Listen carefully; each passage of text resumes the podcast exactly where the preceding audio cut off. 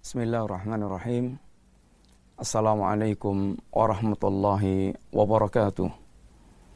Innal hamdalillah wassalatu wassalamu ala Rasulillah wa ala alihi wa ashabihi wa mawala wala haula wala quwata illa billah amma ba'd. Alhamdulillah para pemirsa yang dirahmati Allah Subhanahu wa taala. Kembali kita berjumpa dalam kajian silsilah min wasaya Nabi sallallahu alaihi wasallam. Kajian yang berkaitan dengan beberapa wasiat Nabi kita yang mulia sallallahu alaihi wasallam yang selatnya setiap muslim memperhatikan wasiat Nabi dalam rangka mengantarkan kehidupannya bagi dunia dan akhiratnya.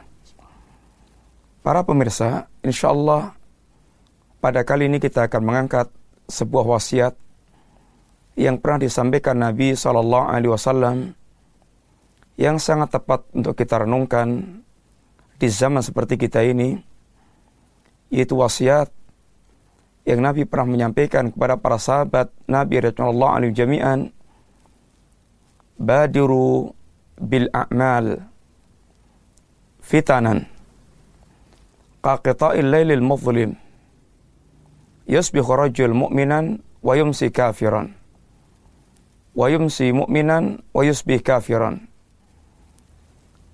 Yabi'u dinahu bi aradi minad dunya. Yang maknanya bersegeralah kalian menunaikan amal. Yakni amal-amal saleh. Karena akan datang fitnah-fitnah bagikan potongan-potongan malam yang gulita ada seorang yang mereka di pagi harinya dalam keadaan beriman di hari yang sama sorenya dia telah menjadi kafir di hari sorenya dia masih mukmin, di pagi harinya dia telah kafir. Ya bi'udinahu bi'aradi minad dunya. Mereka menjual agamanya untuk mendapatkan bagian-bagian kehidupan dunia. Para pemirsa, dalam hadis yang singkat ini,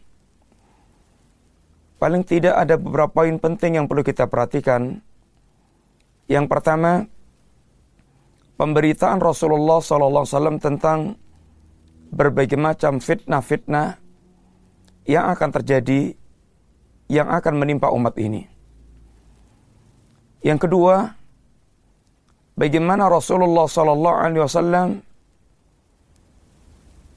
mengajarkan kepada kita cara menyelamatkan dari fitnah-fitnah yang ada dengan segera beramal. Dan yang ketiga, Nabi mengingatkan tentang dahsyatnya fitnah dunia bagi seseorang hingga di antara mereka ada yang menjual agama mereka untuk mendapatkan potongan kehidupan dunia. Para pemirsa yang dirahmati Allah Subhanahu wa taala, mari kita lihat satu persatu dari yang terkandung di dalam wasiat Nabi yang sangat agung ini. Wasiat yang sangat layak untuk kita renungkan khususnya di zaman fitnah seperti zaman kita ini. Rasulullah SAW dalam wasiat yang telah kita bacakan Beliau di antaranya menyampaikan khobar-khobar akan datangnya berbagai macam fitnah-fitnah di tengah-tengah kehidupan manusia. Bahkan dahsyatnya fitnah digambarkan Nabi dengan beberapa gambaran yang merupakan ungkapan-ungkapan yang menunjukkan sangat dahsyatnya fitnah yang datang.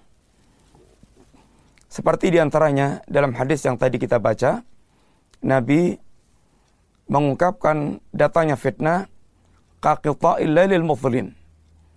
Bagikan potongan-potongan malam yang gulita. Yang akan membuat manusia gelap, tidak bisa melihat, tidak bisa membedakan, kecuali orang yang mereka diberikan cahaya oleh Allah Subhanahu wa taala sehingga dia akan bisa menyingkap gelapnya fitnah dengan cahaya ilmu yang diberikan Allah taala. Dalam hadis yang lainnya dikatakan Nabi wa taji'ul fitnah fayuraqiqu ba'dha ba'dhan. Fitnah akan datang dan sifatnya datangnya fitnah berikutnya lebih dahsyat dibandingkan sebelumnya. Sehingga yang datang berikutnya mengecilkan arti fitnah yang datang sebelumnya menunjukkan gelombang fitnah yang semakin besar. Dalam hadis yang lainnya dikatakan datangnya fitnah allati tamuju kamaujil bahar. Bagaikan gelombang lautan yang sangat dahsyat. Sehingga orang tidak akan selamat. Kecuali mereka memiliki kekuatan, keteguhan, seteguh, sekokoh karang yang ada di lautan. Dalam hadis yang lainnya dikatakan, kama waqi'il qatr. Seperti hujan yang turun merata di mana-mana sehingga fitnah menyebar dan meluas ke berbagai tempat. Sebagaimana di zaman kita hampir tidak ada rumah tangga kaum muslimin oleh fitnah telah masuk ke dalamnya atau bahkan telah masuk ke kantong-kantong setiap kaum muslimin. Bukankah hampir tidak ada di tengah-tengah muslimin yang mereka tidak memiliki televisi yang banyak menyajikan acara-acara fitnah yang menggelincirkan dari agama atau bahkan bagaimana banyak orang mereka maftun terfitnah dengan HP yang ada di kantong-kantong mereka, sehingga dengan HP banyak orang terjerumus dalam berbagai macam fitnah-fitnah yang sangat merusak kehidupan mereka. Para pemirsa yang rahmati Allah SWT, ini gambaran fitnah yang disebutkan Rasulullah SAW. Dan sifat seorang mukmin, orang yang sangat tahu bahwa harga yang paling mahal dalam kehidupannya adalah agama yang dia miliki, adalah iman yang dia miliki, maka dia sangat mengkhawatirkan akan datangnya setiap fitnah yang datang di tengah-tengah kehidupannya. Maka dikatakan Nabi SAW, seorang mukmin ketika datang fitnah, watajul fitnah, fayaqulul mukmin hadhihi muhlikati. Seorang mukmin akan menganggap datanya fitnah itu sesuatu yang akan bisa membinasakan dirinya. Thumma tangkashifu. Kemudian fitnah pun berlalu, tersingkap. Wa tajul fitnah wa yaqulul mu'min hadhihi. Dan fitnah akan berlalu. Kemudian fitnah datang lagi. Maka setiap datang fitnah seorang mukmin akan mengatakan ini lagi, ini lagi. Ini lagi fitnah yang siap membinasakan. Ini lagi fitnah yang siap membinasakan. Ini menunjukkan bahwa seorang mukmin adalah orang yang mereka sangat memikirkan keselamatan agama dia di tengah-tengah badai fitnah yang ada. Masal muslimin, para pemirsa yang dirahmati Allah Subhanahu wa taala, para ulama kita menunjukkan berbagai macam jenis fitnah yang sangat banyak. Akan tapi seandainya kemudian kita kelompokkan, maka fitnah-fitnah sangat banyak itu tergolong menjadi dua kelompok besar. Yang pertama fitnah syubhat, fitnah syahwat. Yang kedua fitnah syubhat. Yang pertama fitnah syahwat. Fitnah yang berkaitan dengan syahwat manusia.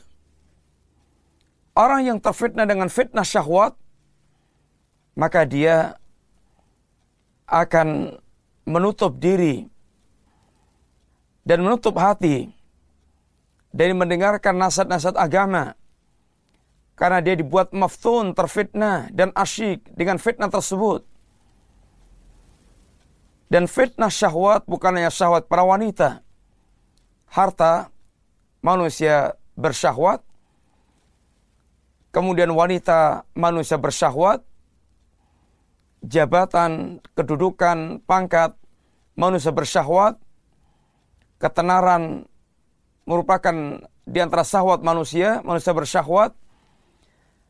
Orang yang mereka terlilit fitnah syahwat artinya hati dia maftun, hati dia terbuai dengan fitnah-fitnah dunia yang gemerlap, yang menunjukkan keelokannya, sehingga dia berubah dari posisi sekedar membutuhkan dunia menjadi orang yang tergila-gila dengan dunia.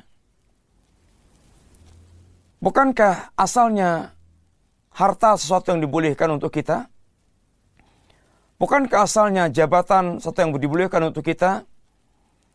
Bukankah asalnya yaitu kedudukan, kemudian hal-hal yang berkaitan dengan fasilitas dunia yang kita butuhkan, semuanya dibolehkan untuk kita. Tapi ketika hati telah maftun, ini berbeda. Hati yang dia telah terfitnah dengan segala perkara dunia.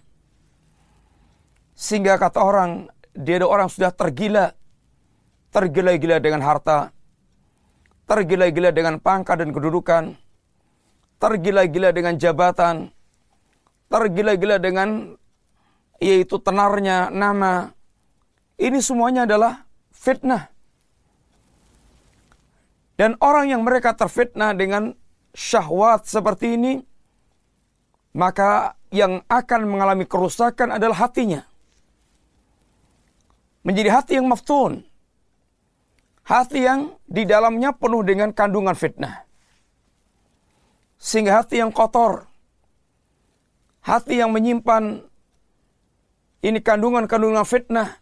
Sehingga ibaratnya, dibaratkan para ulama, sepon atau gabus yang dia ketetesan air dan itu bagian ketetesan fitnah setiap air yang datang diserap air yang datang diserap air yang netes diserap sehingga gabus ini kata orang Jawa ngecembeng ngecembeng dengan air ini hati yang kandungannya adalah air fitnah-fitnah yang ada di dalam hati tersebut ini hati yang maftun sehingga akan menjadi kerusakan hati. Orang yang demikian biasanya akan terlalu susah untuk dia menerima nasihat karena dia telah telah telah tergila-gila. Kata orang Jawa, sekalipun dia dinasihati dengan nasihat yang berulang kali dan sekian banyak, dia akan budek, kata orang Jawa. Pura-pura tuli dan tidak mau dengar.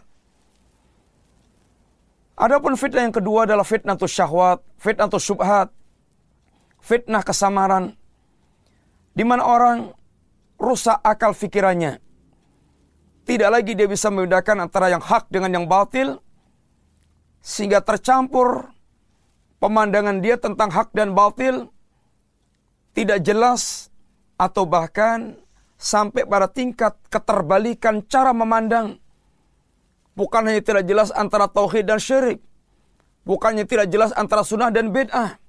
Bahkan telah terjadi keterbalikan dalam memandang yang syirik dianggap tauhid, yang tauhid dianggap syirik, yang sunnah dianggap bid'ah, yang bid'ah dianggap sunnah. Ini adalah fitnah yang sangat mengkhawatirkan seorang muslim yang Rasulullah menuntut dengan setiap kita berlindung dari fitnah-fitnah yang demikian sehingga Allah berikan keselamatan dalam hal agama dia.